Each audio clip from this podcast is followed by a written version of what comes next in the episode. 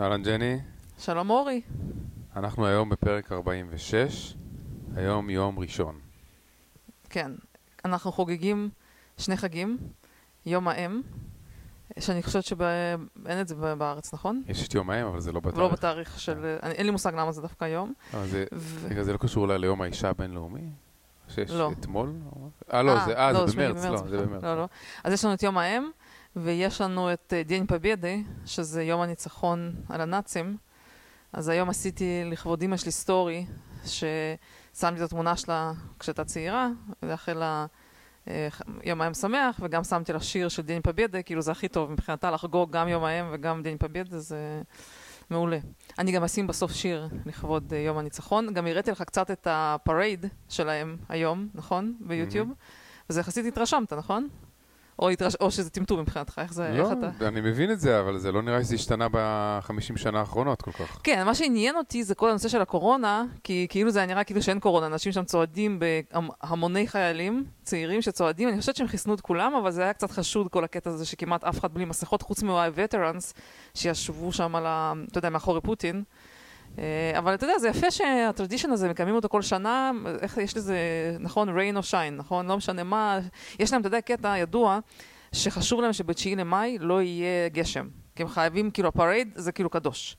אז uh, ידוע שהם, יש להם טכנולוגיה שמפזרת עננים, אולי זה לא משהו כזה סודי, כן, אולי אחרים גם משתמשים בזה, ואף פעם אין גשם ב-9 במאי, למרות שזה כן דווקא תקופה. ראיתי טיפות על המצלמה. היה- יכול להיות שזה טיפה, אבל בגדול הם, אין כזה דבר שירד גשם בזמן, אין, אתה לא יכול לבטל את, ה, את יום הניצחון, כן? תראי, זה מתקיים רק אה, כי את יודעת שזה מתקיים בטלוויזיה. יפה, יכול, זה גם, יכול- יכול להיות שכל הטכנולוגיית אה, גשם שלהם זה שהם הקליטו את זה כבר מזמן, וזה בסך הכל אה, משודר הקלטה. אגב, הם באמת עושים חזרה גנרלית, זה, זה נכון, וכאילו למקרה שמשהו משתבש, אמורים לעבור לחזרה הגנרלית. זה אירוע מאוד גדול אצלם, כל, ה, כל אה, מצעד הניצחון הזה. בסדר. אה, אבל אתה יודע, אני מתרגשת מזה כל פעם מחדש, מכיוון שגדלתי על זה, וכל פעם שאני רואה את הפריט זה כן אה, מרגש אותי. אפילו בתור אזרחית אמריקאית. זה מרגש, וזה בעלות הברית, לא? אנחנו גם, היה לנו חלק בזה. אגב, מפיצים תמונה עכשיו בטוויטר שהייתה מאוד מאוד, שקיבלה מלא לייקים, של איך בירושלים חוגגים את יום הניצחון ב-9 במאי. והמון המון אנשים, משהו מדהים. כאילו חגגו בזמנו, ב...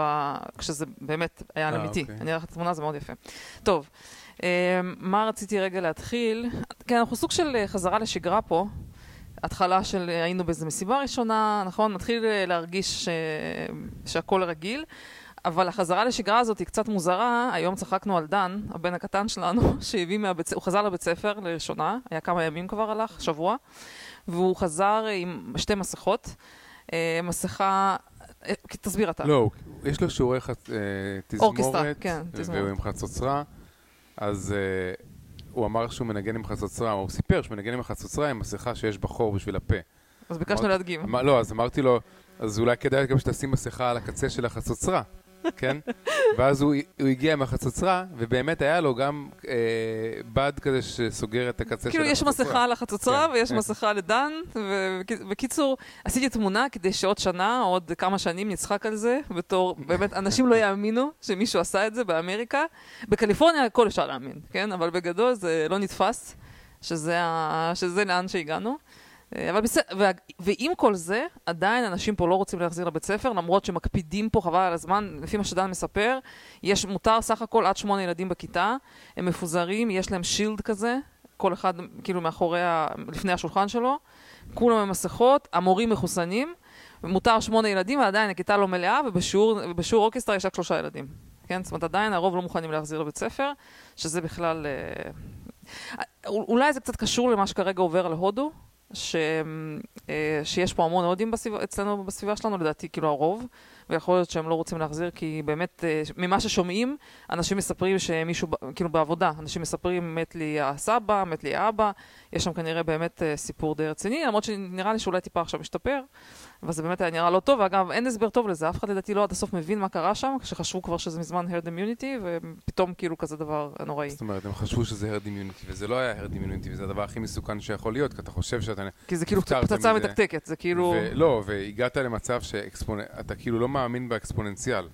והאקספוננציאל בהתחלה הוא מאוד נמוך, אז זה לא נראה לך. ואחרי זה שהוא מתיישר לזווית 45 מעלות, אתה גם חושב שזה עדיין, כאילו, אתה כן, תחת כן, הכל שליטה. בסדר. כן. אבל זה לא תחת שליטה.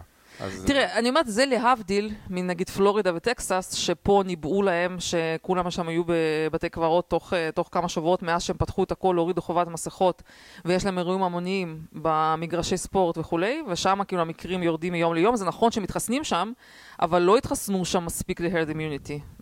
קצת לא ברור כל אבל הסיפור. חיסנו לפי גיל את הכי מבוגרים. אבל המקרים שם, ב, ב, כאילו כמה שניסו פה להגיד שטקסס אה, קיבלו חס- החלטה לא אחראית בזה שלא צריך מסכות, ויש להם אירועים המוניים, יש להם כאילו ממש אצטדיונים מלאים אה, בספורט. המקרים יורדים, אני לא מדברת איתך רגע על תמותה, על מקרים אני מדברת איתך. אז זה. קטע, לא שהוא לא ברור, אני חושבת שהוא גם ברור. אמרתי איזה כן. משהו על זה שהם כן, כרגע כן מודים בזה שההעברה היא באוויר, ולא מטיפתי. כן, בוא, אין כוח לדבר על קורונה, אז טוב. שם את זה שנייה בצד, נדבר על זה אולי בהזדמנות אחרת. לא, כי אם זה באוויר כן. וזה לא טיפתי, אז מסכות לא רלוונטיות, כי האוויר יוצא מה- מהפה שלך ויוצא החוצה מהמסכה גם. אני לא יודעת, עכשיו אנחנו מצפה לנו, עכשיו עוד חודש אנחנו נגיע לארץ, מצפה לנו את כל הבדיקות שם, בלאגן, אני לא רוצה, אני לא רוצה לשמוע מהקורונה הזאת יותר, חזרתי. לעבודה. זה אה, אורי חזר כן. לעבודה, והוא בערך לבד במשרד, נכון? ו- יש בודדים.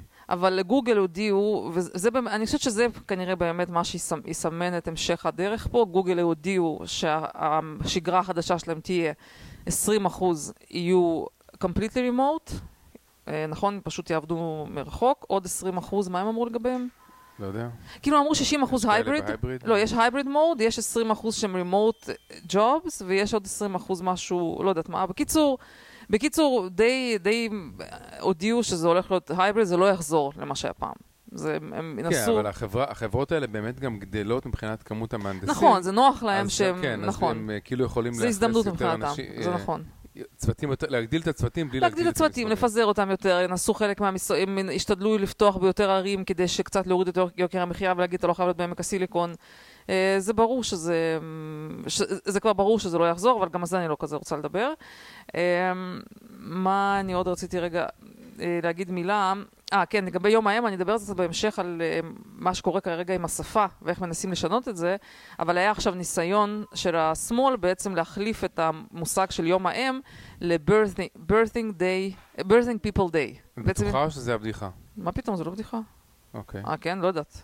לא, לא, לא, אני חושבת שאני ראיתי איזושהי חבר- חברת, אה, כאילו, דמוקרטית, כאילו, שהיא בקונגרס, אוקיי. שהיא הקריאה וכאילו דיברה על ה-birthing people day, וזה כאילו די קיבל הרבה פושבק, אבל באופן כללי אני רוצה להקדיש היום ככה אייטם קצר לשינויי שפה שהפרוגרסיבים פה בארצות הברית נוס- מנסים לדחוף, וזה הופך, כאילו הימין מסתכל על זה בתור מים, הפרוגרסיבים מנסים לדחוף את זה, וחלק מזה כן אנשים מאמצים, איך וזה כאילו הבבלון מעניין. בי אמר שזה אה, human factor, איך קורא לזה? אה, אה, אה, ב- blood...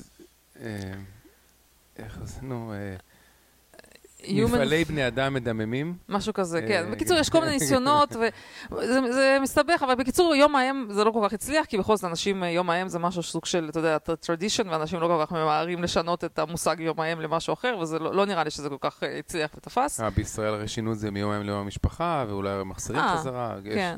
כן, בקיצור, אה, זה מעניין, כי כאילו הפרוגרס... זה הקטע המעניין, שהפרוגרסיבים הפמיניסטים בישראל שינו את זה מיום האם ליום המשפחה. שזה שינוי מעולה. במ- במטרה אגב. פרוגרסיבית, כאילו, כדי שלא לא יעשה singling out נכון. לאמהות, ולא ייתן להם כאילו, נכון. כאילו לשוויון, כן. בקטע של שוויון. שזה דווקא הגיוני. כן. אני, כאילו זה שינוי דווקא שהוא טוב, אבל שאני נראה לי תומכת שהם בו. אה, בדרך חזרה מזה, בגלל הפרוגרסיביות שהתקדמה עוד יותר, אבל אה, אוקיי. אבל גם אני לא מבין את ה-birthing mother, birthing people הזה, כי אם נגיד יש אימא, ש- מישהי שהיא לכאורה טרנס-סקסואל, שהיא לא, אה, לא birthing, כן? והיא מתפקדת כאימא. כן, אבל זה אני אז גם לא למה מבינה לא את זה. מגיע לה יום האם שמח? כאילו? לא, אני גם, אני לא, אני לא, אני, לא לדעתי זה, לא מגיע כן. לה? לא, לדעתי זה הסתבר, לדעתי כל, אנחנו תכף נדבר על, על הפרסומת, מה שאנחנו מדברים עליו זה פרסומת של CIA שמנסים מנסים לגייס לא אנשים. אני, לא, אני אדבר על זה בסוף, אני לא רוצה אוקיי. פשוט עכשיו להיכנס לזה, אבל יש פרסומת של CIA שמנסים לגייס אה, נשים לשירות, לא רק נשים, מנסים לגייס לשירותיהם כאילו כוח אדם יותר diverse, אבל זה הפך למים, כי הם בעצם אומרים שם את כל ה... סופרלטיבים האפשריים, שכאילו רוב האנשים בכלל לא מבינים על מה מדובר, וזה מתחיל להיות כזה נתק בין איזה אליטה שמנסה להמציא כל הם מיני... מדברים בשפה של... אה, כן, שפה וורק. נורא אליטיסטית, והיא נורא כן. מנותקת מהעם, כי רוב האנשים לא עושים תואר שלישי בלימודי מגדר, או אני לא יודעת, באנתרופולוגיה, או משהו כזה, ואז כאילו אנשים בכלל לא מבינים מה רוצים להגיד להם. כן, כן, הבעיה היא לא כנראה שלא מספיק. מלמדים gender studies ב high school, זה השיח לא. משנה, אבל אנשים לא מבינים. אתה שואל בן אדם ממוצע מה היה בפרסומת הזאת, ואף אחד לא יצטרך להבין. אני אחרי זה אני אקריא לך. שהפתרון שהם יעלו עליו זה הפתרון שכנראה כנראה לא מלמדים מספיק gender studies ב high school. ש- טוב, אורי, אני לא אוהבת שאתה צוחק על הדברים האלה, כי אתה לא הורס לי, אתה אתה מכניס אתה מכניס דברים. אני רוצה להגיד משהו אחד, ואתה הורס לי את זה למצב אוקיי, שאני נכנסת אבל לך למחוק. זה לא, את יודעת שאנחנו נמצאים. בשיחה. ודבר אחרון, אתה נכון, יודע אבל אתה, הצד שלך של השיחה הוא צד שדורש ממני אחרי זה הצד לצנזר. שלי זה הצד יש המעניין. צד אחד שצריך לצנזר אותו, וצד אחד שמנסה להגיד דברים בצורה מכובדת. שניתנת ל... מילה אחרונה שאני רוצה להגיד לפני שמתקדמת לדברים יותר רציניים, זה שאנחנו, אם אתם זוכרים, סיפרנו שהזמנו מכשיר כושר שנקרא טונל, שזה מעין אה, אה, מסך ענקי שמחוברים עליו משקולות שמנוהלים ב-AI. אתה לא רואה את המשקולות. אתה- כן, הם מאחורי- זה בתוך כי- המסך. כן, הם בתוך המסך, ולפי ההתנגדות שלך ולפי איך שבנית את התוכנית האימונים שלך עם ה-AI coach הזה, הוא כאילו מייצרים לך אימון ומייצרים לך את ההתנגדות המתאימה. אורי כרגע ביום שני לאימונים, והוא פרש. לא פה, מה פתאום? תסביר מה קרה לך. לא קשור, לא פרשתי, עשיתי שני אימונים. כן. אבל ו- האם הצלחת לזוז אחרי האימונים? לא, יש בעיה, שהיה לי מאוד קשה. עכשיו, אני לא מבין מה- איפה הייתה התקלה, אם התקלה הייתה בזה שהוא מדד אותי לא טוב בהתחלה. או שאתה עצלן, או או שאתה לגמרי לא בכושר. כן, אבל לא יכול להיות, זה אמור להיות גם ל beginner, אני לקחתי beginner. אורי, מה לעשות שאתה מתחת ל beginner? כנראה שאתה לא ברמה שהיא... לא, היה איזשהו קטע, שכאילו, אוקיי, אני- הוא שם לי שם נגיד איזה 15 פאונד, הייתי צריך כאלה סקווטים כאלה של להיעמד, כן? שם לי איזה 15 פאונד, אני רואה קשה לי, אני כאילו משתגע, לא לא מצליח, ממש כאילו כואב לי. אז הורדתי את זה נגיד ל-10 פאונד, כן? לא הצלחתי, בסוף הבנתי, הבנתי שהבעיה שלי שגם בלי משקולת אני לא יכול, אני כבר, אני כבר כל כך מותש ברגליים שאני לא יכול אפילו להיעמד. אז זה לא קשור למשקולות. בקיצור, נראה שאני אצטרך, אה, בשביל להחזיר את ההשקעה, אני אצטרך לעשות אימון כל יום, כי זה עלה איזה 4,000 דולר. זה אם אורי יפרוש מזה, זה ייקח לא, לי לא שנים של אימון יומי. אבל יש לי בעיה טוב. להצדיק, להצדיק כן. את הזה, אבל לא, כן, אבל היה לו מסכן, היה קשור ממש אה, פגוע. טוב, לא, זה, זה שזה עולה המון כסף, זה באמת נותן מוטיבציה. מדהים, נכון, אנחנו בעוד להתאמץ 45 על דולר. מנוי בחודש, כאילו, בנוסף לעלות הראשונית של המכשיר. ומתי, אפשר לבטל? לא, הבעיה גם... אבל אם אתה מבטל, אז אין לך כלום, זה כל הקטע, לא. זה גאוני שהם יצרו כאילו, תחשוב על זה שאפל לא, אתה מוכרים לך יכול להחזיר את המכשיר. עכשיו, אה. גם כשאתה מחזיר את המכשיר, כן, אתה נתקע עם החורים בקיר עכשיו, נכון? זה גם בעיה. כן, קיצור, מורכב, מורכב. טוב, בואו נעבור לקטע המרכזי של הפרק, שעל שמו הוא הפרק. אני עכשיו הולכת אה, להגיד את השם של הפרק במבטא לטיני גרוע. רגע, לטיני? ככה אומרים בעברית? שפ- לטינקס. לטינקס, לא, איך, איך נקרא השפה הלטינית? ככה נקראת? לטין? כן. אז אני, אני מתנצלת על המבטא הלטיני הגרוע שלי. אה, השם של הפרק, אני התלבטתי בין שתי אופציות, ל- Sic transit gloria mundi, שזה כך הולכת לה תהילת עולם, או Sic transit imperium, שככה מתות אימפריות. ואני הולכת להתלונן קשות על נשיאנו החדש ועל ה administration שלו. ועל כל שורת הנזקים שהם עושים, ואני רוצה קצת, אתה מוזמן גם לתת לי push, pushback על זה, כן, אם אתה חושב שחלק מזה לא נזקים, אבל מה שלי כרגע נראה, שהמצב מאוד לא טוב, והתקשורת כרגיל מנמנמת, ומנסה להגיד, הכל בסדר, שום דבר לא קורה, לא נורא, הכל uh, טוב, שבפועל, uh, לדעתי, המצב ממש uh, לא בשליטה. טוב. אז, אז יש לי ככה רשימה של כל התלונות. אז אני אתחיל- בעצם את רוצה להגיד שאת נגד ביידן, זה מה שאת אומרת. כן, בגדול אני חושבת שהבחירות האלה, הבחירה הייתה בדיעבד, מי שעדיין לא הבין, זה היה בן אדם שהיה לו tweets, מה שנקרא מין טוויטס, ובן אדם שני עם רעיונות קומוניסטיים, כן? זה כאילו או כמו... כאילו, מה יותר גרוע, רעיונות גרועים? לא, לא רעיונות או גרועים. טוויטים לא נחמדים? לא רעיונות גרועים, רעיונות קומוניסטיים, כן? זה לא... זה הרבה מעבר לרעיונות גרועים. אנחנו... כן, אנחנו, אנחנו לא בשלב של רעיונות גרועים. כן. אנחנו בשלב של uh, רעיונות מאוד מאוד גרועים. Um, אז מה שאני, אני אנסה כאילו בצורה אובייקטיבית לתאר את מה שאני רואה, את הבעיות שכרגע עומ- עומדות ומתפתחות והסכנות שאנחנו מתמודדים איתן. אז הראשונה, יש עניין של מחס- מחסור. זה קצת, יש לי קצת דז'ה וו מברית המועצות, שתמיד סבלנו שם ממחסור, והכל היה חסר, ותורים והכל.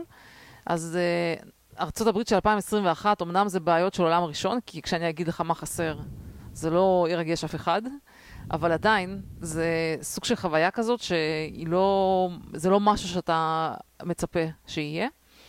אז מה אבל שמחסר... חלק מהדברים שחסרים הם כן חשובים. את כן, רוצה אז- להגיד את הרשימה של כן. הלא חשובים, לא. אז ככה, שנייה, אז קודם כל חסר טסלות, בכלל, באופן כללי, בגלל כביכול, לא כביכול, אז אין פה איזה קונספירציה, יש מחסור בצ'יפים, וכתוצאה מזה יש מחסור במכוניות, זה גזר את זה שאנשים קנו את כל המכוניות יד שנייה, הרבה חברות השכרת רכב קנו מכוניות יד שנייה, כי היה להם חסר, אה, חסר אה, צי, ובעצם יש מחסור במכוניות. מישהו התלונן שהוא הזמין טסלה ושבעה חודשים הוא עדיין לא קיבל.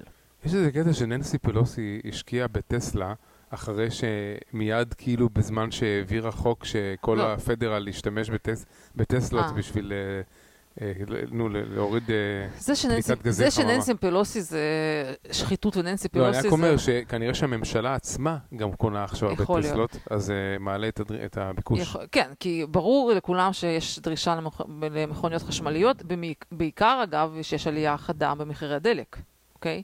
אה, אגב, ראיתי שבניו יורק יש עכשיו אה, מוניות טסלות צהובות, זה די מגניב, לראות כן, טסלות אבל צהובות. עלייה- יש גם עלייה במחירי החשמל, אז זה לא... כן, אז אבל אני מדברת רגע שנייה על דברים שהם מחסור, אז אוקיי, אז עולם בעיות, עולם ראשון, מחסור בטסלות. מחסור, אנחנו קיבלנו הודעה בבית במיאמי מהחברה שמתחזקת לנו את הבריכה, שהם צופים אה, מחסור בכלורין לניקוי בריכות, ולכן הם ממליצים לקנות מערכת לניקוי אה, בריכה עם מלח, אבל גם במערכת הזאת צפוי מחסור, ולכן כדאי להזדרז להזמין השבוע, כי הם קנו מלאי, יש להם מלאי שיספיק, לא יודעת, לכמה שבועות לספק את המערכות האלה. חוץ מזה, חסר, חסר אה, גז, אה, לכל, אתה יודע, לכזה חימום, וחסר גרילים, ואני ואתה צחקנו שאנחנו במקרה, יש לנו שני גרילים. יש לנו. עודף גרילים. יש לנו כן. עודף גרילים, יש לנו סך הכל שלושה גרילים בשני בתים. כן, אז אני עכשיו, אני, לא, אה, נכון, שלושה גרילים בשני בתים, ואנחנו עכשיו אה, מחזיקים את הגריל הזה, העודף שבטעות יש לנו. בתור השקעה. בתור השקעה. שהכל יהיה יקר, אנחנו נחליף את הגריל, לא יודעת, ללחם או משהו יחסי כן. מנייר טואלט. חוץ מזה, אני מבין שהשאלה של אה, החוסר בכלור לבריכה, רק כן. אני צריך שתבהירי לי אם זה בעיית עולם ראשון, שני או שלישי, ש- למאזינים לפחות, שמי שלא יודע, שידע. לא, אז הטענה שלי שבמיאמי זה, כן בעיה שהיא נחשבת, אה, לדעתי, זה אסנשיאלס, כי נורא חם, ואנשים כן צריכים את הבריכה בשביל קצת להתקרר. יש לנו קר- קרוב משפחה שהוא טוען שיש איזה קטע שהמים נורא חמים, נכון? באיזשהו חודש שזה ממש רותח המים? מי, לא, זה? הפוך? שהבריכות בעצם, קודם כל לא צריכות חימום, בגלל שרוב השנה כמעט אה, מספיק חם בשביל שהמים יהיו נעימים. זה כשאנחנו היינו אבל באפריל זה היה בקיץ אפילו סבבה. קצת יותר מדי, המים בבריכה אפילו יותר מדי זה חמים. ג'קוזי, בעצם כן. הבריכה הופכת לג'קוזי. כן. אמ, אוקיי, אז, אז יש גם מחסור אגב בעופות, וזה לא- זה לא רק בדברים שהם כאילו מותרות. אולי אפשר לזרוק קוביות קרח לבריכה. לא, מה שמעניין במיאמי זה שבגלל שבקיץ יש גם מלא גשם, אז הגשם ממלא את הבריכה, ואתה צריך לעקוב ולוודא, יש גם חם, אז גם חלק מתייבש, אבל אתה גם צריך לוודא שהבריכה לא יוצאת כן, מגדותיה. כן, הבריכה יכולה גם להיות עם פחות מדי מים וגם עם יותר מדי מים. כן, יש, שם כן. איזון עדין, כן, ועכשיו אנחנו לכל הדבר הזה הוספנו מערכת מלח. בקיצור, אה, טוב. סיפורים. טוב, אז אני מתלוננת על זה שיש מחסור, שזה כבר מתחיל להרגיש לי לא טוב. עכשיו, התירוץ שלהם, המתמשך, שזה בעיה בגלל הקורונה, זה בעיה בשרשרות אספקה. עכשיו, אני קונה את התירוץ הזה חלקית, זה ברור לי שיש בעיה מסוימת, אבל אני חייבת להגיד שזה, שזה נמשך כל כך הרבה זמן. כבר, אה, קורונה הזאת היא כבר שנה וחצי, ובסין כבר מזמן, לדעתי, חזרו לשגרה, ואין להם שום קורונה, וזה שיש מחסור, אני, להערכתי יש הסברים נוספים לזה, כמו למשל מחסור בכוח אדם, כמו למשל אינפלציה, וכל מיני דברים שבעצם, שאולי יש כאלה שמחזיקים את המלאי כי הם צופים מעלת מחירים ולא כל כך ממהרים למכור. אה, לא ברור לי. אני אגיד לך אז משהו, זה לא נשמע טוב. שפיטר שיף, הכלכלן הזה שרואה שחורות, מהאנשים שאני גם מקשיב אליהם, כן? כן, אני לא מקשיבה להם, זה רק אורי אצל אז הוא אומר הקונספירטורים. שכשיש ציפייה לאינפלציה, אז אנשים, במקום להחזיק כסף ביד, הם קונים מוצרים שהם יודעים שיוכלו לשמור אותם להרבה זמן. אז הם כאילו עושים sto- אה, stocking. stocking, כן. זה מה שהיינו עושים בברית המועצות, זה נכון מה שהוא אומר. אה, אז יכול להיות, כן, יכול להיות שגם פשוט מחזיקים מלאים, יכול להיות שכל מיני חברות לא ממהרות להיפטר מהמלאי, אני לא יודעת. אני מקווה שאנחנו נראה שזה ישתפר, אבל כרגע זה לא נראה טוב. אה, הבעיה נוספת שרואים אותה זה כמובן בעיית האינפלציה, לא נראה לי שאפשר להמשיך להסתיר את זה. זה ברור שיש אינפלציה, בחלק מהמקרים ממש של מאות אחוזים, דיברנו על זה במחירי העצים, אה, מחירי הקפה. אה, לא יודעת, כמעט במחירי הגז, ש- לא גז, סליחה, הדלק, שכמובן, אם יש משהו שהוא ממש גרוע, זה מחירים גבוהים של מחירי הדלק, מכיוון שזה גוזר על כל, על כל התעשייה, זה מייקר הכל. זה תוקע את הכלכלה. זה- נכון. כן. עכשיו, דיברנו על זה שוורן באפט, היה לו, יש לו פעם בשנה מעין מפגש כזה עם משקיעים, שבו הוא מתאר את אה, אסטרטגיית ההשקעה שלו ומה שהוא צופה. צריך שיהיה לך מניה אחת לפחות של אה, ברקשר האדווי. תכף נדבר על זה, שנייה, תכף כן. נדבר על זה, שנייה, עצור שנייה. אוקיי. אני רק רוצה להגיד שהוא הזהיר, לא הזהיר, אבל הוא אמר שהם צופים אינפלציה בקיץ, מכיוון ש... והוא, אמ, וורן באפט, אחד הדברים המעניינים אצלו, שהוא באמת משקיע בכלכלה האמיתית. בניגוד לכל מיני אנשים, הוא כזה לא סטארט-אפיסט, והוא פחות אה, איש טק. הוא, אני חושבת שמכל חברות הוא בעיקר משקיע באפל, שהיא חברת טק, אבל בגדול הוא הרבה משקיע בחברות ממשיות, אמיתיות, והוא צופה העלאת מחירים, והוא צופה שהוא... מחכים לזה. הם, הם, הם לא יכולים להמשיך לספוג את האינפלציה, והם יצטרכו להפיל אותה על האזרחים, וזה כמובן מאוד מאוד לא טוב, אבל כן, צריך להגיד שבהקשר הזה היה קטע מצחיק הש, השבוע עם אורן באפט, מה כן. קרה? אה, לא, אני פשוט בדיוק פתחתי את המחשב ל- אה, לבדוק, בשביל אה, כן. מחשבון לבדוק את החישוב אתה שלי. יכול אגב לשאול את זה בתור שאלה, אה, כן. מה מיוחד במספר הזה? אז, אז קודם כל המניה של ברקשר האדווי היא אה, כרגע בסביבות 400, הייתה השבוע, לא הסתכלתי היום, בסביבות 420 אלף דולר למניה אחת. ואחת הסיבות שהגיעה לרמה הזאת כי היא חברה מצליחה, אבל גם בגלל שהוא הוא אף פעם לא עשה ספליט. הוא אף פעם לא פיצל את המניה. מהמם. אה, מאיזשהו סיבות אידיאולוגיות שלו, אני לא כל כך מבין. לא, יש- הבנתי גם שלא נתנו לו. שיש איזושהי טענה שזה גם סוג של רגולציה שהפילו על הבורסה, שאתה אולי לא יכול לפצל, לא יכול לפצל יותר מדי. זה כן. לא לגמרי... בקיצור, אה, הנקודה היא כזאת, שנסדק משתמשים באינטג'ר של 32 ביט בשביל להחזיק את המספר של הערך, מחיר של המניה. מניה, והם מחזיקים את המחיר של מניה לפי מספר, לא מספר הדולרים ולא מספר הסנטים, אלא מספר המאיות סנטים.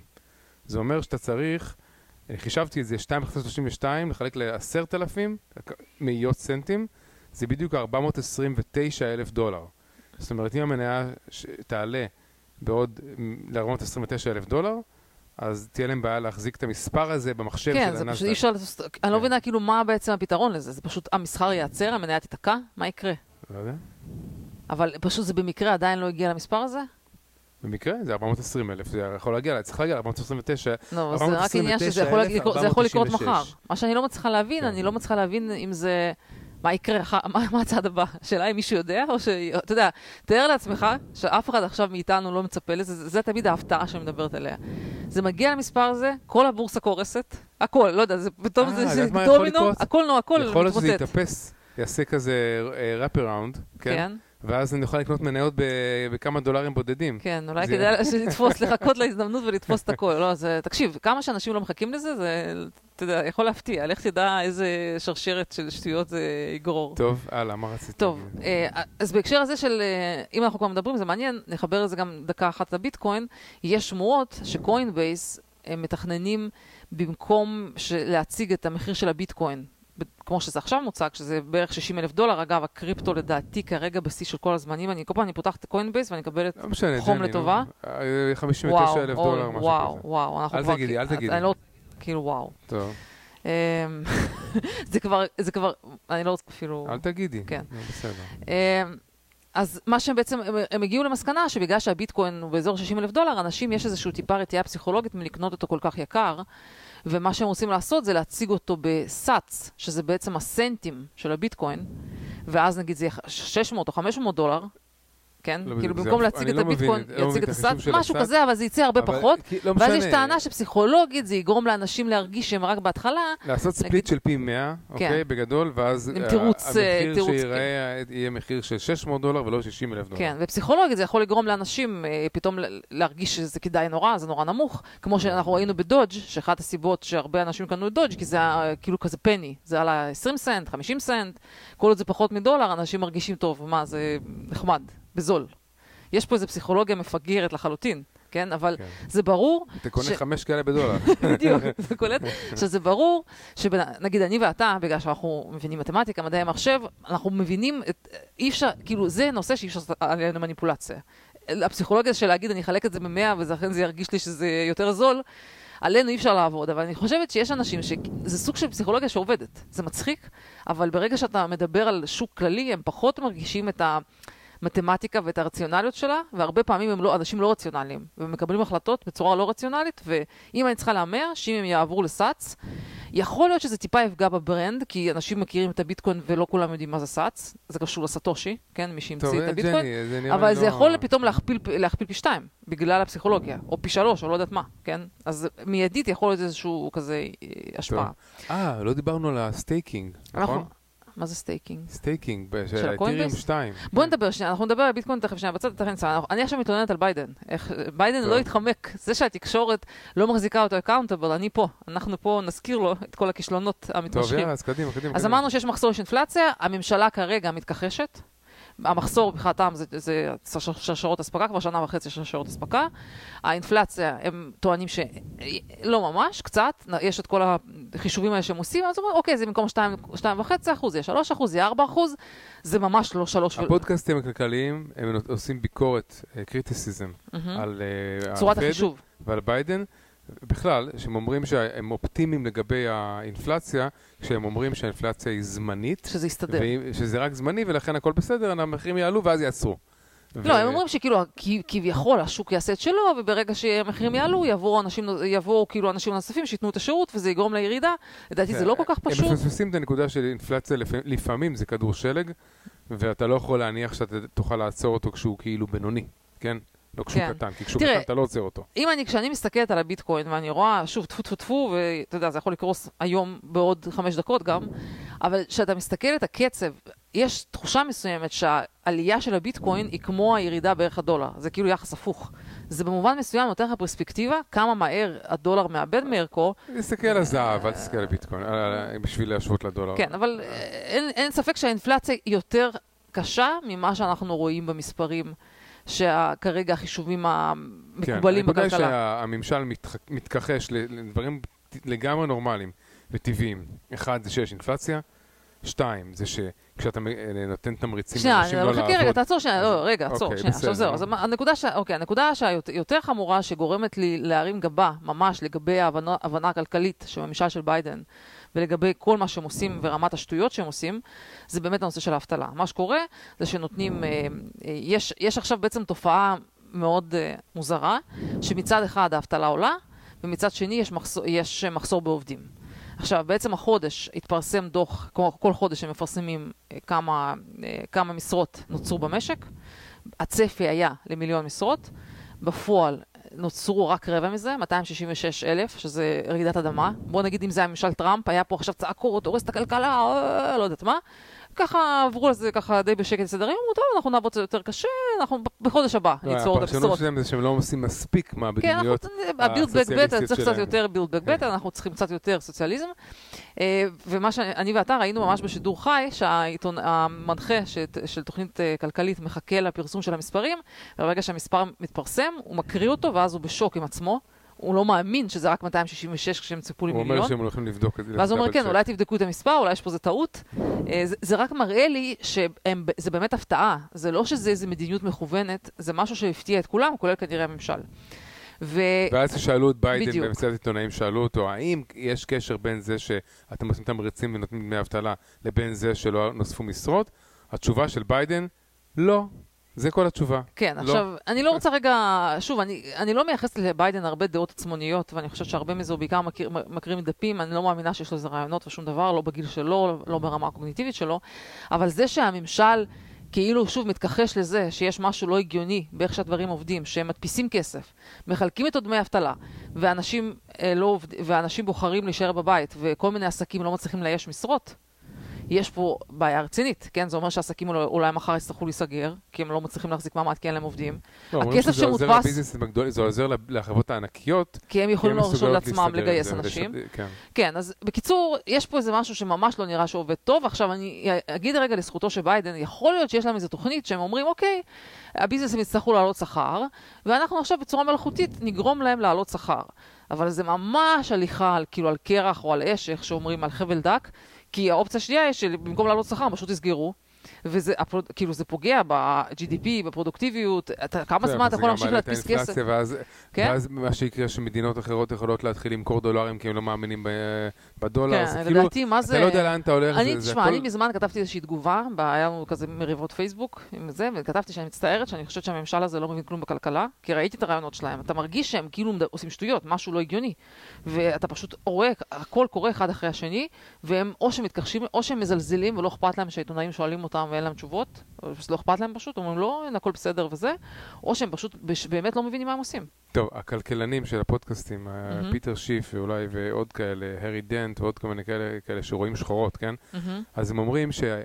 וגם האמת שדיברו על זה לדעתי בפודקאסט של כלכליסט גם כן, לא ש... שהפד יודע, ש... כנראה, אבל אורי, רק רוצה להודיע לך, בשידור בסדר, חי, בסדר. בביטקוין הוא לא- עברנו הפד- את המספר. שהרגענו אוקיי, ג'ני, שמעתי. מדהים. אוקיי. אה, שהפד יודע שיש בעיית אינפלציה, והוא, והוא יודע שיש יש בלאגן עם זה שמדפיסים כסף, אבל בשנייה שהפד יודע שזאת בעיה, הוא בעצם מחמיר אותה פי כמה.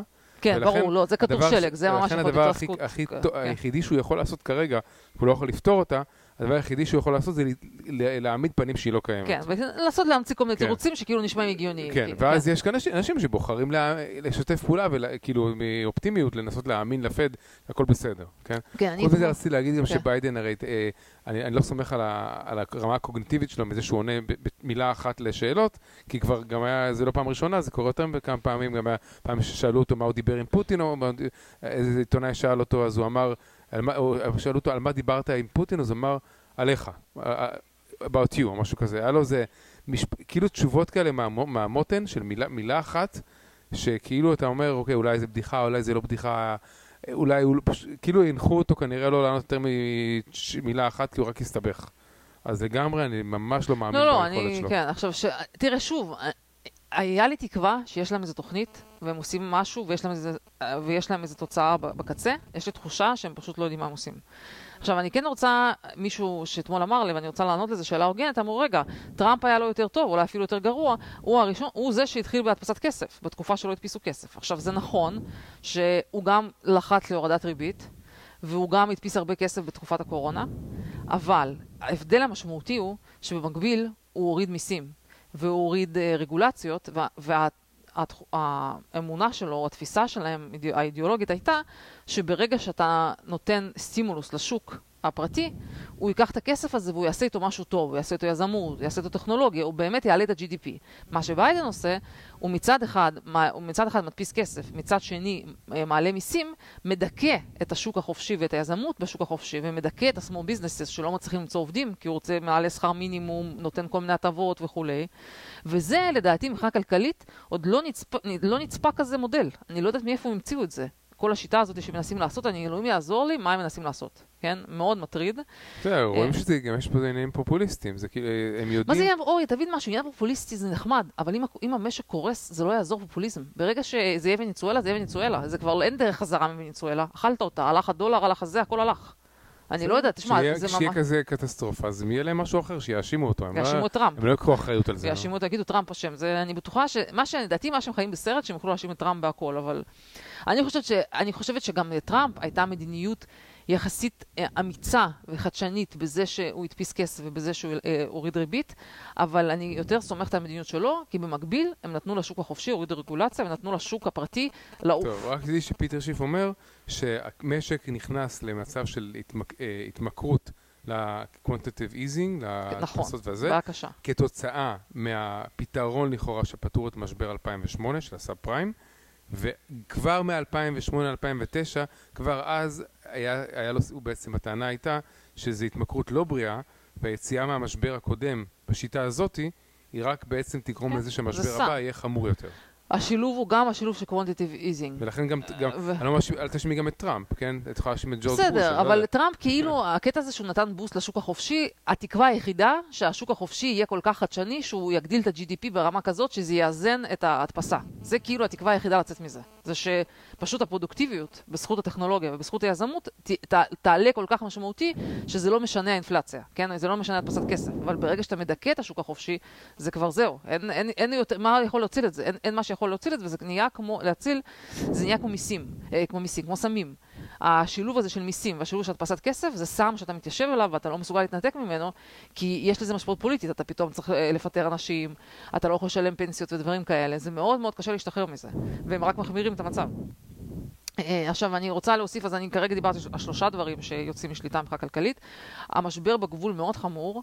אני שלחתי לך היום וידאו שאיזשהו עיתונאי פשוט הלך לאיזה מקום בגבול, עומד שם, ואנשים זורמים כל הזמן, פשוט כל הזמן, מכניסים, כאילו כמובן שארצות הברית נוהגת בצורה הומנית, כל מי שמגיע מכניסים אותו בגבול, עוזרים לו לעבור את המים, אבל ממש מגיעים משפחות שלמות, עוברים עם ילדים. ופשוט, אה, ושוב הממשל טוען לא, אין כלום, הכל בסדר, העיתונאים כאילו שכחו, עצמים עיניים, איזשהי משהו, משהו לגמרי כזה חסר שליטה.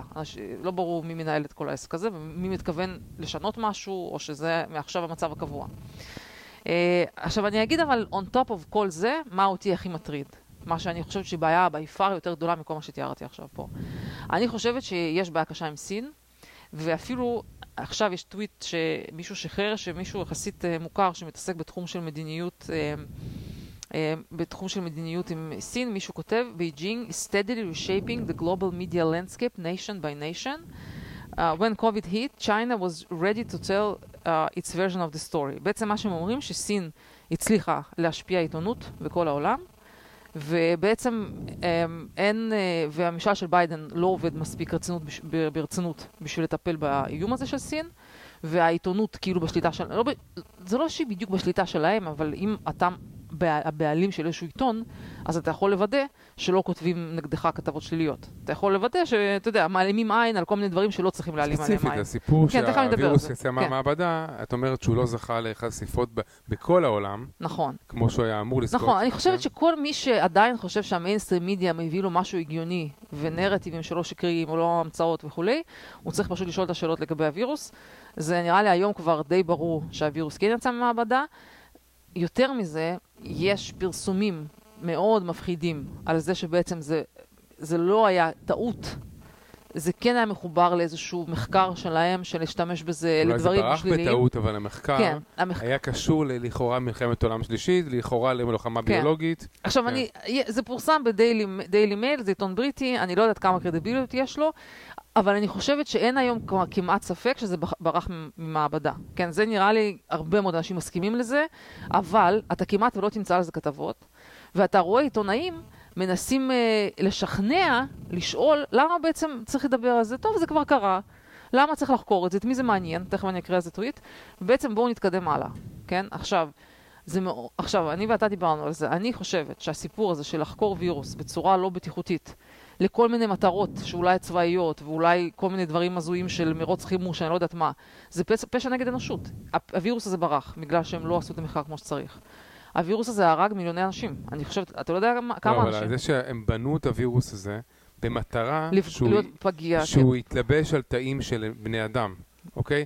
שזה, by definition, זה פשע נגד האנושות. זה פשע נגד נכון, ה-DNA של בני אדם. נכון, זה פשע נכון. נגד האנושות. ואף עיתונאי בארצות הברית בשום עיתון מכובד, או שכמעט ולא, אה, לא בוחר, לא, זה לא מעניין אותו הסיפור הזה, חוץ מפוקס ניוז, לא מעניין אותו להתעסק בזה, לא מעניין לחקור את זה, לא מעניין לפרסם, ובעצם, אה, נהפוך הוא, הם שואלים, אני הקראתי לך את הטוויט הזה, ש...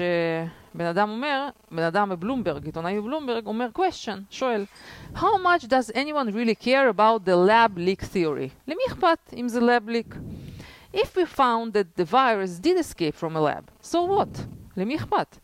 Could be a result of unsafe research practices or poor safety procedures. So, be safer when doing research. כאילו אומר, טוב, לפעם הבאה תיזהרו, לא נורא, למי אכפת? ואז מישהו עונה לו, תגיד, question, כאילו עונה לו, אתה יודע, הוא שואל question, אומר לו, גם לי יש question. Who cares how Chernobyl happened or why they covered it up? זה ש-CCP, זה שהמפלגה הקומוניסטית של סין יצא ללא פגע מה, מהפשע נגד האנושות הזה, ברצינות, אין, אין לי דרך אחרת לקרוא את זה, זה שהם יצאו נגד, זה משהו שהוא רק מראה את רמת הכוח שיש לסין, את, את רמת השליטה שיש לה באמצעי תקשורת במערב. את רמת הכוח שיש לה בארצות הברית, שאתה לא שומע פה מהממשל, שאף אחד לא מעלה את זה, איך זה יכול להיות? שהם לא accountable לדבר הזה. למשל, דבר מאוד מינימלי של להיות accountable זה א', להכניס פקחים שיבדקו שהם לא עושים אה, ניסויים מפגרים כאלה יותר, או שהם עושים את כל ה-safety procedures, אבל למה שלמשל הם לא יממנו את החיסון ל- ל- לאומות העניות שאין להם חיסון. הם יכולים כאילו לכפר על הנזק הזה שהם עשו, נכון? אבל מאיזושהי סיבה אסור אפילו לשאול על זה שאלות, וזה שארצות הברית והממשל של ביידן יושב בשקט ולא מעז להתעסק עם זה, אני מצטערת, גם לי יש שאלה. למה? יש לי שאלה. למה הם יושבים בשקט? למה אף אחד לא מתלונן? יש לך תשובה? ביידן הוא בכיס של הסינים. אני לא יודעת מה להגיד על זה. יש לו, מה, המשפחה שלו יש. ביזנס עם הסינים, נכון? אורי, אבל זה כבר ברמות אחרות, זה סכנה, זה, זה סכנה לעולם. כי אם ניסו, תשמע, צ'רנוביל, כשהוא קרה, זה בסוף גרם לנפילה של הקומוניסטים בברית המועצות. כי אנשים הבינו שזה לא שווה, זה, זה לא הגיוני, הסכנה, זה כזה סיכון מה העולם. שקורה עם סין היום זה, זה הרבה יותר evolved מאשר מה שקרה בצ'רנוביל. הם הרבה יותר מסוגלים נכון. לשלוט, אני לשלוט בדבר הזה. כן. מסכימה, יש להם הרבה יותר כוח, ואני לא מצליחה, אבל תראה, לא יכול להיות שהכוח שלהם הוא עד כדי כך, שארצות הברית שותקת לגמרי. אני, איפה ביידן? איפה הם? למה הם לא מתלוננים על זה? אה, יש להם את הנס- את- את- טיעון שזה מייצר, אה, איך קוראים לזה? טיעון אה, שסין שתלה. שנאה, לא, שזה ייצר שנאה נגד Asian Americans. כן, כן. ולכן עדיף שהסינים יעשו עוד איזה וירוס ויהרגו את כל העולם, נכון? זו סיבה הגיונית, התירוץ הזה, של לא יודעת מי הביא את הרעיון הזה לביידן, זה תירוץ הגיוני לתת למדינה לעשות ניסויים בווירוסים מסוכנים. ולצאת מזה ללא פגע, כאילו הרצחת גם ירשת, כאילו לא לא עשו שום דבר מזה. וגם מי שממן את זה זה דוקטור פאוצ'י, שבכלל, כאילו, הבן אדם לא accountable לשום דבר. אני, אני מאוד, אה, מאוד מוטרדת מהסיפור הזה. טוב, אז זה התלונות שלי למשל ביידן, יכול להיות, אני כן מבטיחה, אני כן מבטיחה שאם הם יעשו משהו מועיל וטוב, אני אדבר על זה. כרגע, בינתיים, אני לא רואה משהו טוב להגיד. טוב, זה אה, מה שרציתי לדבר? כן, אני רוצה להגיד עוד כמה מילים על הביטקוין. אה, היה לנו בסוף שבוע כמה פגישות שכאילו נפגשנו עם אנשים, ושמתי לב שאנשים כבר הבינו, הם מבינים אינטואיטיבית, שמבחינת diversification, אתה צריך להיות מושקע בקריפטו, אפילו, לא יודעת מה, כמה אחוזים מהתיק שלך, רק בשביל לא לפספס את הרכבת, אבל אנשים עדיין לא מבינים למה זה טוב. כן, אנשים אומרים, אה, עדיין אתה לא משתמש בזה לשום דבר. אז אני הסברתי להם הסבר, שנראה כאילו שזה שכנע, לא יודעת אם שכנע, אני גם לא מנסה לשכנע אף אחד, אני רק רוצה לחברים שלי להגיד את מה שאני חושבת. כן, אני לא עושה פה שום, שום evangeli, איך נקרא לזה? אבנג'ליזם נו. של הביטקוין או של הקריפטו, אבל הסברתי להם את זה ככה, שהיה את השלב של הקפיטליזם שארצות הברית התבססה עליו. גם את החלק הזה אנחנו כן, מחליפים? זה חלק מהזה. היה את השלב של הקפיטליזם שארצות הברית התבססה עליו. אה, בגלל שקפיטליזם זו שיטה מתקד... טובה לעשות כלכלה, ושכלכלה גדולה בזכות זה, הם הצליחו לגרום לזה שגם הדולר הפך להיות למטבע רזרבי, למטבע בינלאומי, והרבה מהכלכלה העולמית תלוי בדולר, אוקיי? עכשיו, ברגע שהשלב הבא של הקפיטליזם האמריקאי, עם זרועות חזקות בכל העולם, זה בעצם כלכלת אינטרנט. כלכלת אינטרנט זה כלכלה שבה כל העולם בעצם מחובר ל... ביחד, כמעט כל העולם חוץ מן הצפון קוריאה. והטענה שלי, שזה קשה לדמיין שלאורך הזמן הדולר יוכל לשמש כבסיס של כלכלת אינטרנט הזאת, מכיוון שבכל זאת אה, זה כל העולם, ופה יש איזו מדינה אחת ששולטת ויכולה לעשות הדפסות ויכולה להגדיל ולהקטין, זה משהו שמרגיש שלאורך זמן לא יוכל להתקיים.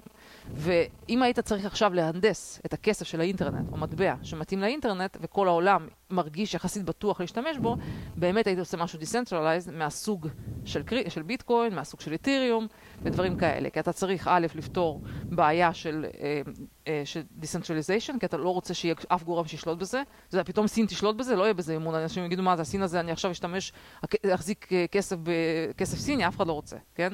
זה ברור שצריך להיות decentralized, שנייה, ורק נקודה זה, ובעיה של trust. בגלל שזה כאילו הכל, אה, הכל ציבורי, והכל מוצפן והכל, אז אתה גם יכול לסמוך על זה כאילו. אז אני טוענת שכלכלת האינטרנט הולכת להיות טוב, בסוף אוברטיים ש- צמודה ל- בסדר. הטיעון שלך כלכלת אינטרנט הוא. לא רלוונטי לדעתי, אני לא מסכים איתך, בגלל שאנשים היום עושים וקונים דברים בכל ה-currencies שיש להם בכל המדינות, ואם אתה קונה משהו ממדינה אחרת אז יש לך החלפת currency, ולכן הדבר היחידי שלדעתי יש פה את הפוטנציאל ל-innovation, זה הסיפור הזה של הרשת של סטלר, של ה-XLM, סטלר לומן, שהם מאפשרים המרה ממש מיידית של קרנסי ממדינה אחת למדינה אחרת, עם כל התשתית שתתמוך בזה שאתה תוכל להעביר את זה ולמשוך את הכסף במדינה השנייה.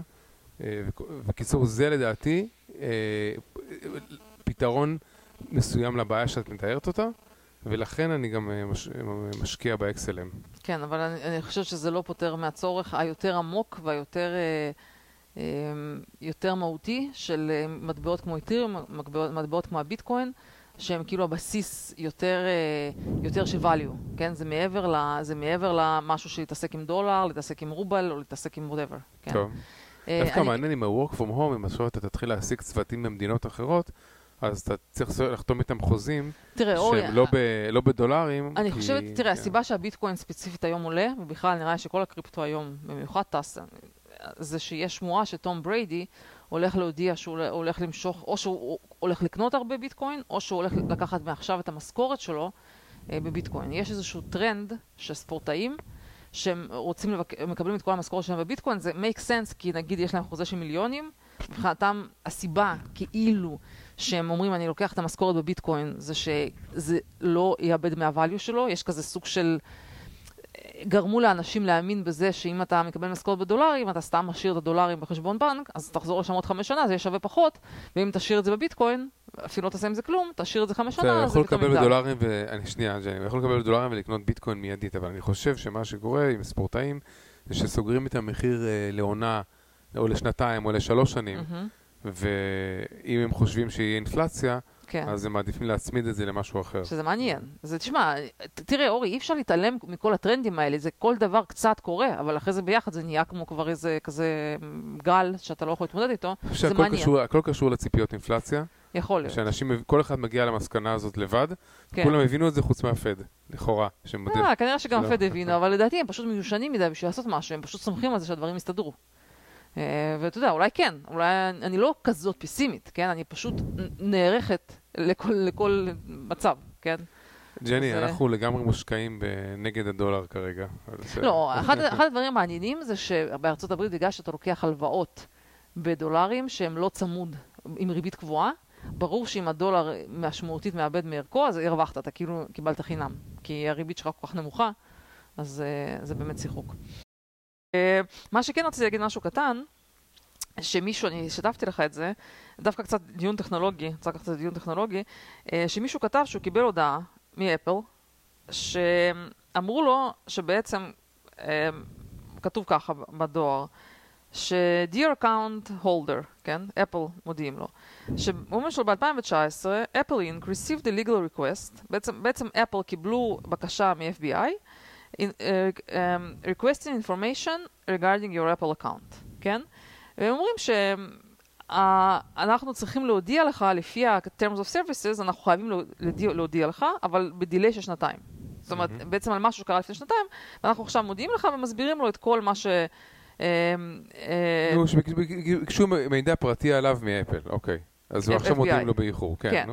אז היא אומרת, אז אנשים בעצם עושים דיון, מה בעצם אתה מסוגל, איזה סוג של אינפורמציה יכולים... אה, אגב, מישהי, זה מישהי שהיא, לא ברור מה רוצים ממנה, כאילו מישהי שקוראים לה אלכסנדרה, הרבה אנשים כאלה שמאלנים עוקבים אחריה, אני לא יודעת אפילו מה היא עושה. למה? טוב.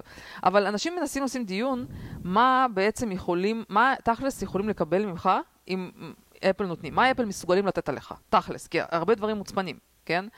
אז אנשים אומרים ש-iCloud data is encrypted by Apple on Google Cloud with an Apple-owned key, so they can decrypt it. Um, בקיצור, השאלה שלי אליך, מה בעצם תכלס, אפל, כאילו יש משהו שאפשר להסתיר, או שתכלס הכל חשוף? ברגע שמישהו רוצה לראות מה עשית על הטלפון שלך, הלך עליך. כאילו לא שעשית משהו, אבל... לא, אה, הדבר היחידי זה אם יש לך peer-to-peer encryption, למשל ב- לכאורה בסיגנל או בוואטסאפ, כן? כן, אבל זה לא. לכאורה, כן. אם אם באמת הם יכולים אה, אה, לגלות את זה, כי אז אתה צריך, אין לך, אין מפתח, המפתח הוא אצלך, כאילו, בקיצור, שורה תחתונה, אני חושבת שכאילו צריך להניח, באמת, כאילו לא שאני עושה משהו שום דבר, כאילו, לא, אבל תראה, אני כן שיתפתי memes, שלחתי לך memes מ account שנסגר. מה את מפחדת, מה-FBI עכשיו? לא לא. אני לא אני, עניין אותי, מה, אני לא ידעתי למשל שאפל כאילו מחויבים לתת את טוב, ה... אני רוצה לספר לך משהו מעניין בנושא הזה. כן, זה ידוע שכשאתה נגיד חברה, כמו אפל או משהו כזה, אה, ויש לך ידע של, אה, מידע של users, ואתה צריך, ואתה מקבל צו להביא את המידע הזה, חלק מהצו זה גם שאסור לך להגיד ל users שביקשו, שביקשו, לא, הנה ב delay של שנתיים, שנייה. שנייה, כן, ויש דרך לעקוף את הבעיה הזאת, אני אסביר לך את הטריק, אוקיי, אוקיי? אם אתה באמת רוצה לספק שירות ליוזרים שלך, וכן להודיע להם שביקשו מהם, ביקשו את הדאטה שלהם, כן, יש טריק ידוע שיש חברות, לא אפל, אבל חברות אחרות אולי כן. מתחומים אחרים שעושים, הם מחזיקים בעצם דף web page כזה, שכתוב, אה, כתוב בדף הזה, אה, לא התקבלה עד עתה בקשה מה- אה, מהגו- מה-government לקבל את הפרטים שלך. אה, אוקיי? אוקיי. עכשיו, ברגע שכן מתקבלת בקשה, כן. הם פשוט יכולים להוריד את הדף. הבנת? זאת אומרת, עצם זה שזה הוא- יורד, כאילו, אתה כאילו... הדף לא קיים יותר. עכשיו, ואנשים באמת עושים את זה? יש כן, כזה דבר? אני שמעתי אוקיי. על זה, ואז ככה אוקיי. אתה יכול בעצם לסגנל ליוזרים שלך שכן ביקשו את המידע. לא. אבל מה שמפתיע אותי שזה מישהי, מה שניסיתי להגיד, אני לא חקרתי עליה מי זאת, זה סתם קפץ לי בטוויטר, ואנשים אחרי זה התכתבו, היה דיון על זה.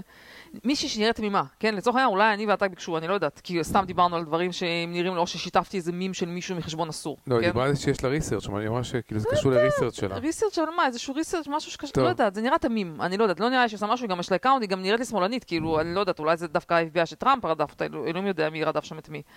אבל אה, מה שאני מבינה, אני לא הכרתי את הקטע הזה, שאפל מחויבים לתת להם את הנתונים, כי אני זוכרת שהיה איזה קטע, שהיה איזה מחבל, שהם להפך, הם לא הצליחו לפתוח את המכשיר. זוכר שהיה איזשהו קטע שהם רצו, כאילו, אני לא כל כך לא כך כן, מבינה את יש זה. אבל- הבדל בין לפתוח את המכשיר לבין אה, להוציא נתונים, לא יודע. טוב, בקיצור, מה אני אגיד לך? אוקיי, אז עכשיו אני, יש לי פה תכלס את הקטע האחרון שרציתי לדבר על הסיפור הזה של שינויי שפה. אמ, אז באמת, המושג, היה עכשיו אה, כזה סוג של אה, אה, דיון צחוקים, אבל הוא מסביר על מה שקורה, שבעצם CIA עשו פרסומת של מישהי שהיא בעצם, לא יודעת, מקסיקה, כאילו בת מהגרים ממקסיקו, שהיא בעצם אה, מנסה כאילו לשכנע שיעבור ל-CIA גם אנשים שהם כאילו לא ה typecast הרגיל של, לא יודעת, גבר בסדר, או משהו הפרסומת כזה. נראה- ניסתה להראות כן. שה-CIA הוא חשוב להם diversity כן, ו inclusive. כן. כן. אבל, וחלק מהפרסומת היא השתמשה בהרבה מאוד אה, מושגים כאלה שהם סוג של אה, מה שנקרא intersection, איך זה נקרא? אינטר... זה אחד מהמושגים, intersectionality. זה כאילו שאתה שכאילו- גם- גם אישה וגם אה, מהגר, או גם... אה, לא, שם אבל היה כן. ממש רשימה ארוכה כן. שהיה לה שהיא cisgender. cisgender זה לא- זה לא section. לא, לא, רגע, אני אומרת, מאובחנת ב... היה שם רשימה כן. ארוכה של דברים שחלקם אפילו סיסג'נדר, ויש לה anxiety, ויש לה, לא יודעת, היה שם באמת כאילו אוסף של דברים שכשאתה קורא את זה, וגם שהרבה מאוד סיסמאות כאלה, שאני, אין לי כוח עכשיו לחפש את הפרסומת להקריא את זה, אבל שאני, האנגלית שלי טובה, כן? אני קוראת, אני יודעת הרבה, אני יודעת, אוצר המילים שלי גבוה, אני לא הצלחתי להבין חצי מהמילים, כן? אוצר המילים שלך רחב, רחב. אם כבר מדברים על אוצר מילים. בסדר. לא הצלחתי להבין חצי, חצי מהמילים. אז uh, עכשיו, על מה זה מצביע? עכשיו, מעבר לזה שהשמאל אמרו מה אתם רוצים, אנחנו רוצים לקבל כאילו diversi, מה, על מה אתם מתלוננים? להפך, מצוין, וזה כאילו אהבו את הפרסומת, ומבחינתם זה כל הדברים שהם מקדמים והכל. אבל הימין, כאילו, מבחינתם זה ממש ברמה של מימים, כי באמת זה נראה שבמקום נגיד שאתה עושה- פרסומת ואומר, אה, אני רוצה אנשים שדוברים אה, ערבית, לא יודעת מה, אם נגיד אתה CIA, לא יודעת מה, מה ה skill שאתה צריך, אנשים שמבינים במחשבים וזה, במקום זה כאילו זה סיפור ארוך מאוד שכזה סוג של, אה, איך זה נקרא, שמישהו נרקסיסטי כזה, שהוא רק מסביר על עצמו, וכאילו הרבה מאוד גם כאילו נראה שהוא הגיע ל-CIA לא בשביל לעשות את העבודה של ה-CIA, אולי בשביל זה תוקפים לנו אחרי זה את ה pipes, ועם cyber cyber attacks, אלא במקום זה כאילו בא לעשות כל מיני דברים של צדק חברתי והכל, שזה כאילו, כאילו בסוף זה מטרה משנית, זה לא יכול להיות המטרה המרכזית שלך בשביל להג- להגיע ל-CIA, כן? תראה, זה שהיא כאילו- במקרה את כל הדברים האלה זה לא סותר, אבל הדגש, מה שמטריד, זה שהדגש על העובדה שאת כל הדברים האלה, בסדר? נותן לך כאילו- מחש- כאילו לחשוב לדבר- שאולי לא אכפת להם באמת מה competency האמיתי של האנשים. זה- זה- אה, כאילו, כן, כאילו אנשים, אמ- וכולם צחקו, אמרו, נראה לך שעכשיו סין מסתכלים על זה, וכאילו זה, מה הם חושבים על החו... האם, האם ארצות הברית powerful להתמודד עם כל מיני אתגרים, או שבמקום להתעסק עם הדברים המקצועיים, הם מתעסקים עם כל מיני דברים כאלה של אה, לא יודעת מה. אה, מה שלי אבל זה נראה מהצד, כשאני מסתכלת על זה, זה בעיקר הראה לי את הנתק של ה... כאילו של העילית, של האליטה, מהעם. כי אני לא, אני לא רואה, אני רואה את עצמי כבן אדם משכיל, ושיודע טוב אנגלית, אני מבינה דברים והכל, וזה שאני לא הצלחתי להבין חצי מהמילים שהשתמשו שם, ואני שלחתי לאחי, אחי אומר אני לא מבין כלום. מה הם, כאילו, והוא הכי, כאילו, הוא הכי פרוגרסיבי, כן? לא יודע. מה, לא מבין כלום מה מדברים, הוא אומר, אני לא מבין את המילים האלה אפילו. אז אני אומרת שזה ש- זה שכאילו הגענו למצב שכאילו ה-institutions, וזה כאילו הביקורת המרכזית ה-institutions, משתמשים בשפה שאנשים רגילים לא מבינים, ואפילו אנשים רגילים כמוני, שאני כאילו לא, אני יחסית קוראת הרבה והכל, יש פה איזושהי בעיה, הנתק בין ה-institutions לעם. וזה, וזה לא טוב. אם את סיסג'נדר ואת אפילו לא יודעת את זה. אני לא יודעת שאני סיסג'נדר, מה אני אעשה? לא, אבל זה לא, זה פחות, אה, זה, זה אפילו, למדתי מה זה, אבל יש שם כמה דברים שאני, באמת, זה היה פשוט שפה כזאת של, בסדר, הנקודה היא כזאת, תני לי להגיד משהו. שהאליטות או האליטיסטים האלה, שהם משתמשים בכל השפה האינקלוסיבית הזאת מבחינתם, הם לא רואים את הצד השני של זה, שהשימוש בכל השפה הזאת הוא בעצם דיווייסיב מהפרספקטיבה של האנשים כאילו שהם פחות אליטיסטים, אוקיי? הם רואים את זה בתור דיווייסיב. כשהאליטות משתמשים במושג לטינקס, כן? כן. אז דווקא... ובשים סקר, והיספנים אומרים, אנחנו, אנחנו רק 2% רוצים שיקראו להם ככה, וכל השאר אנחנו רוצים להיות לטינו. הבנו, אנחנו מבינים מה זה לטינקס, אבל אנחנו רוצים להישאר לטינו, טוב לנו במושג כמו שהיה פעם.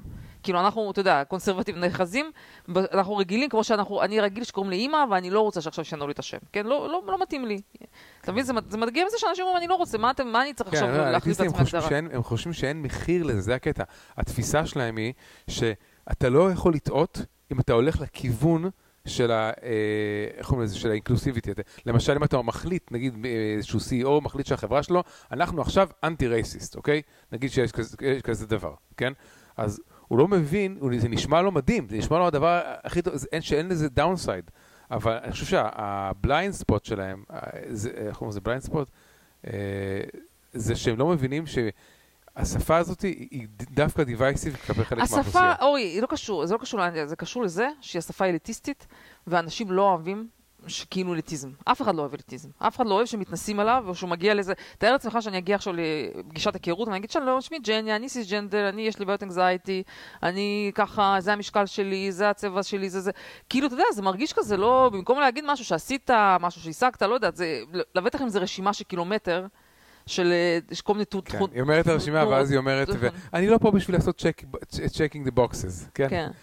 קיצור, אה, מה אני אגיד לך? טוב. בקיצ- בקיצור, כן, יש לי. שני נושאים קצרים. אוקיי. לא קצרים, אחד מהם אה, להזכיר את ה-SNL, שכמובן, Saturday Night Live, כמובן יש להם רעיונות שהם הביאו את אה, אילון מאסק בתור ה host שלהם, שסך הכל, אני ראיתי רק את המונולוג שלו בהתחלה, אה, בסדר, כתבו לו בדיחות בסדר, אבל כל הקטע שקדם למונולוג שלו היה כל כך ארוך, כל כך מתיש, עם מיילי סיירוס שר איזה שיר מתיש. מזעזע. וכאילו התוכנית הזאת לגמרי כאילו איבדה את ההבנה של למה מה הצופים מה זה רוצים? entertainment. אנשים רוצים entertainment. אני לא רוצה, באמת לא מעניין אותי שהם יביאו את האימהות שלהם ויגידו כמה שהם אוהבים את האימהות שלהם כי זה יום היום.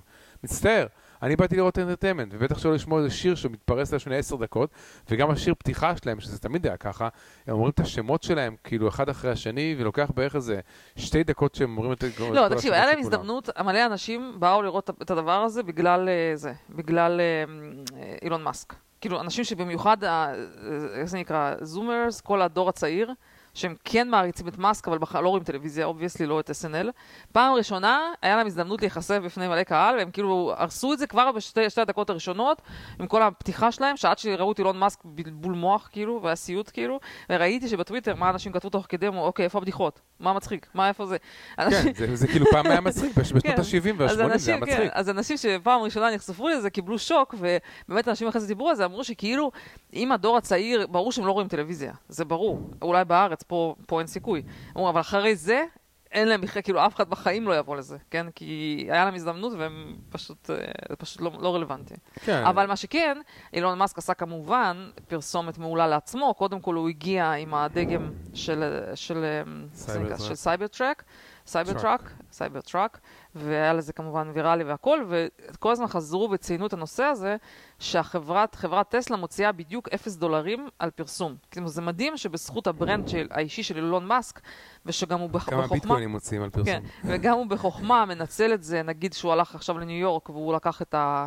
הביא לשם את ה Cybertruck הזה, ואתה יודע, הוא עשה באזז, אז אה, אין מה לעשות. הוא, בתור, כמה שצוחקים עליו והכל, בתור מנכ"ל של טסלה, הוא עשה עבודת שיווק מדהימה. אתה לא יכול לעשות יותר טוב מזה.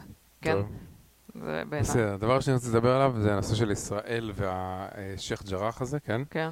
עכשיו, בסדר, אני לא יכול לחדש הרבה לאנשים, אני רוצה טיפה לתת את הדעה שלי, וגם על בסיס, לראות את הפרספקטיבה, על בסיס מה שסקוט אדמס מדבר, אוקיי?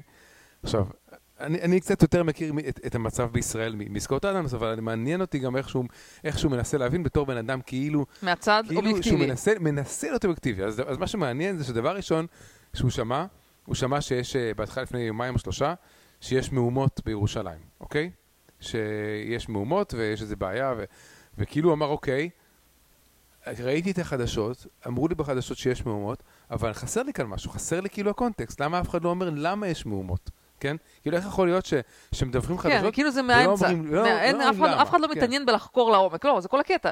שהם רוצים לזרוק איזה נרטיב, לא רוצים לחקור לעומק שום דבר, וכאילו ללכת עם הנרטיב של ethnic cleansing. אז הוא הוא אמר, אני חיפ... אני לא, חיפשתי- הנרטיב זה ethnic cleansing. שנייה, עוד לא, עוד לא, אה, עוד רגע, לא, עוד לא. אוקיי. אז- אז הוא אומר, טוב, אז אני אה, חיפשתי, זה- חיפ- דווקא אני לא יודע מה מה החדשות אמרו. אני חיפשתי את הקונטקסט, אוקיי? אז הוא אומר, אני נאלצתי, לא הצלחתי למצוא, נאלצתי לה- להגיע לכל מיני חשבונות טוויטר של שונאי ישראל, ואז הבנתי שהקונטקסט שלהם זה ethnic cleansing, מהמם. אוקיי? שמ- שמזיזים שם משפחות של ערבים, אוקיי? וזה הוא אמר ביום אחד. יום אחרי זה הוא אומר, טוב, אוקיי, המשכתי לחקור. אני מנסה להבין את הקונטקסט. כאילו, הקטע שבאמת זה, אתה צריך לחקור כל כך הרבה נכון, הגעת למצב שאתה צריך להיות- לחקור, כן. במקום שהעיתונאים יעשו את העבודה שלהם, אנשים פרטיים צריכים לשבת לכל מיני חשבונות טוויטר, לקרוא ולנסות לחבר אה, כן, מפיסות מידע לעשות בשביל להבין מה רוצים. כן? אז, הוא אומר, אוקיי, עכשיו, אז ביום אחרי זה הוא אומר, אוקיי, ניסיתי להבין את הקונטקסט שאמרו של ethnic cleansing, אמרתי, אז אמרו שזה אה, dispute, land dispute, אוקיי? אוקיי. אז זה לא ספציפית ethnic cleansing, זה יש שם איזה land dispute על איזשהו, על איזשהו שט, אה, די, כמה דירות, כן? כן, שזה, שזה בגדול זה המצב. כן. עכשיו, עכשיו, הוא אומר, אוקיי, אז איך אני, איך אני יכול לדעת? זה, יש בית משפט ישראלי, וכנראה שבית משפט הישראלי אה, אה, פסק משהו כנראה נגד ה... כאילו, בעד היהודים. אומר, אני, אני, אני לא יודע אפילו למה להאמין, מה, מה זה בית משפט? אני, איך אני יכול לסמוך על בית משפט ישראלי? לא? תקשיב, גם ה... יש פה שתי בעיות. גם התקשורת איבדה כל בושה, פשוט לא עושים את העבודה שלהם בכלל. או שהם פשוט שוט... או, או אשכרה שותלים דברים שקריים, או סתם לא חוקרים את מה שצריך, או... זה, זה מתחת לכל בושה, אבל גם האנשים כאילו פשוט רוצים שימכרו להם לוקשים. מי שרוצה, מי ששונא את ישראל, רוצה להאמין במה שאומרים, רוצה להמשיך לחזק את הנרטיבים שלו, אתה יודע, כזה, איך זה נקרא? יש לזה מושג, אה, שדברים אה, חוזרים על עצמם כזה. ומי שבעד ישראל רוצה לחפש... איזה- dissonance. כן, קוגניטיב, דברים כאלה. ולא, יש אה, כזה, שזה כאילו מחזק את מה שאתה כבר מאמין בו. אוקיי. יש לזה מושג שכחתי כבר. Confirmation bias? confirmation bias, כן. ומי ש, שרוצה להאמין שביידן מדהים ובא ומציל את אמריקה, איכשהו מתעלם מהאינפלציה ומזה, והתקשורת, כאילו כולם מתעלמים, ומי שרוצה לראות את זה ישר רואה שהכל מתפרק. זה פשוט ממש עצוב שכאילו גם האנשים איבדו את ה-critical thinking, כאילו פשוט לא רוצים כן. לנסות להבין פה אני- מה, פה מה אני רוצה המצב. להגיד שגם בתור ישראלי, לא אני, נכון. כל, כל בן אדם, כאילו. כל בן אדם ישראלי שגר בישראל, יהודי, ערבי, לא משנה מה. אני חושב שבן אדם לא יכול אפילו לגבש, זה לא נכון, נכון, זה נכון. לא נכון מיצו לגבש דעה, כי במקרה, במקרה הספציפי של שייח' ג'ראח, אתה צריך להבין את כל הטיעונים, לא, פלוס כל מיני קונספירציות. שביבי נוח לו, כאילו יש פה גם עוד... אני רוצה לסיים משפט. כן, סיים משפט. אתה צריך להבין את כל, הט... שנייה, את כל הטיעונים שהעלו בבית המשפט על ידי שני הצדדים, כדי להבין באמת, לנסות לשפוט, אתה יכול לשחק אותה השופט בעצמך, פלוס להבין את כל ההקשר של, הז... של התזמון שהדברים האלה קרו, שאולי באמת יש תיאוריות שאולי ביבי עכשיו מנסה לייצר קצת מתח, כדי שזה יוריד את הסיכויים שהערבים, ש... שבנט יהיה. מוכן כן, לשתף כן. פעולה עם שזה, הערבים. אגב, זה אגב מאוד הגיוני, אמרתי לך, במבחן הכומתה הירוקה שלי, זה לא אידיוטי, מה לעשות, זה משהו שתיאוריה שראויה למחקר. עיתונאי נורמלי רוצה לחקור את זה. כן, עכשיו, אם אתה מסתכל על מה ש... מה ש... הטיעונים שהועלו לבית המשפט, אז אני שוב, אני, אני מכיר בזה שיכול להיות שטכנית, עזוב, אני לא רוצה להיכנס לזה, זה שנייה, כאילו... אולי הערבים שם גרו, אולי שם יש איזה משהו טכני שהערבים לא גרו, אבל אני, התחושה שלי של להיכנס לאמצע שכונה של ערבים ולתקוע שם יתד ולעצבן את כולם וזה, לא משנה אם זה חוקי או לא חוקי, זה, כן, זה אבל זה גרוע, לא- זה פשוט גרוע למז... לא, זה ברור, שהוא- התיכון. זה ברור, אבל רק צריך להזכיר שבניגוד לפה, הבית משפט בארץ, לדעתי, הוא יחסית עדיין נאלץ, גם אם הוא לא רוצה, הוא נאלץ לשפוט לפי החוק, ויכול להיות שבמקרה הזה הם סוג של נאלצו, או שאולצו, או כן. שלא יודעת, whatever, איזה תיאוריית קונספירציה שיש. בניגוד לארצות הברית, שאנחנו יודעים שאם היו פה מושבעים, לא משנה מה היה הצדק, לא חשוב, הם היו, הם היו הולכים על משהו שממתן את הבלגן. כן, כאילו, הנה, היו... הנה, זה, זה כן, שתי הדוגמאות של כן. המשפט של ג'ורג' פלויד, שזה עם מושבעים. והבנת שהמושבעים אמרו, אנחנו לא רוצים בלאגן, אנחנו לא רוצים... לא משנה מה, אנחנו לא אנחנו נכנסים לזה נחליט כבר. לעשות את זה כן. conviction ולא משנה נכון, כי מה. הם ידעו שאם לא, בכל- היה ברור שזה אין אופציה אחרת. והשיטה בישראל, זה שופט, ושופט יש לו מה. טיפה, יותר מקצועיות, כי בג"ץ הרבה מאוד פעמים לוקח החלטות דיברנו על זה, שהן נכון. כאילו... כי מה לעשות, דור, יש להם גם מתפשרות. אחריות, זה מסוג- זה כן. חיים קשים, כן, ברור. נכון, אבל כאילו הש- השאלה מה מערכת- מערכת הצדק... לא, אני אומרת לך, זה, יש פה גם כל מיני, אין לי כוח להיכנס לקונספירציות. שעיתונאים אחרים יחקרו בזה. טוב, אורי, למזל, למזלם של המאזינים, אני חייבת ללכת לצאת לפגישה, כן, זה בדיוק שעה, הכל כן, טוב. אז אני רק אתה רוצה לסיים השיר, שאני תשמיעי הבטחתי. את השיר. ואני לא מתכוון, את מתכוונת להוציא דברים מה זה? לא, יכול להיות שכן, נראה. לא. טוב, שלום לכולם, שיר.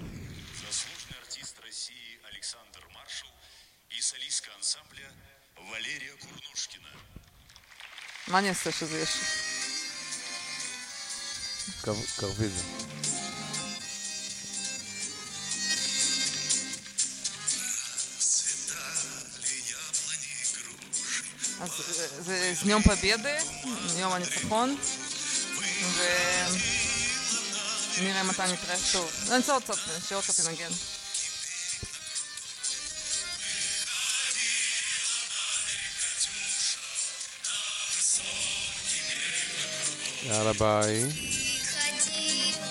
יאללה ביי ג'ני. יאללה ביי.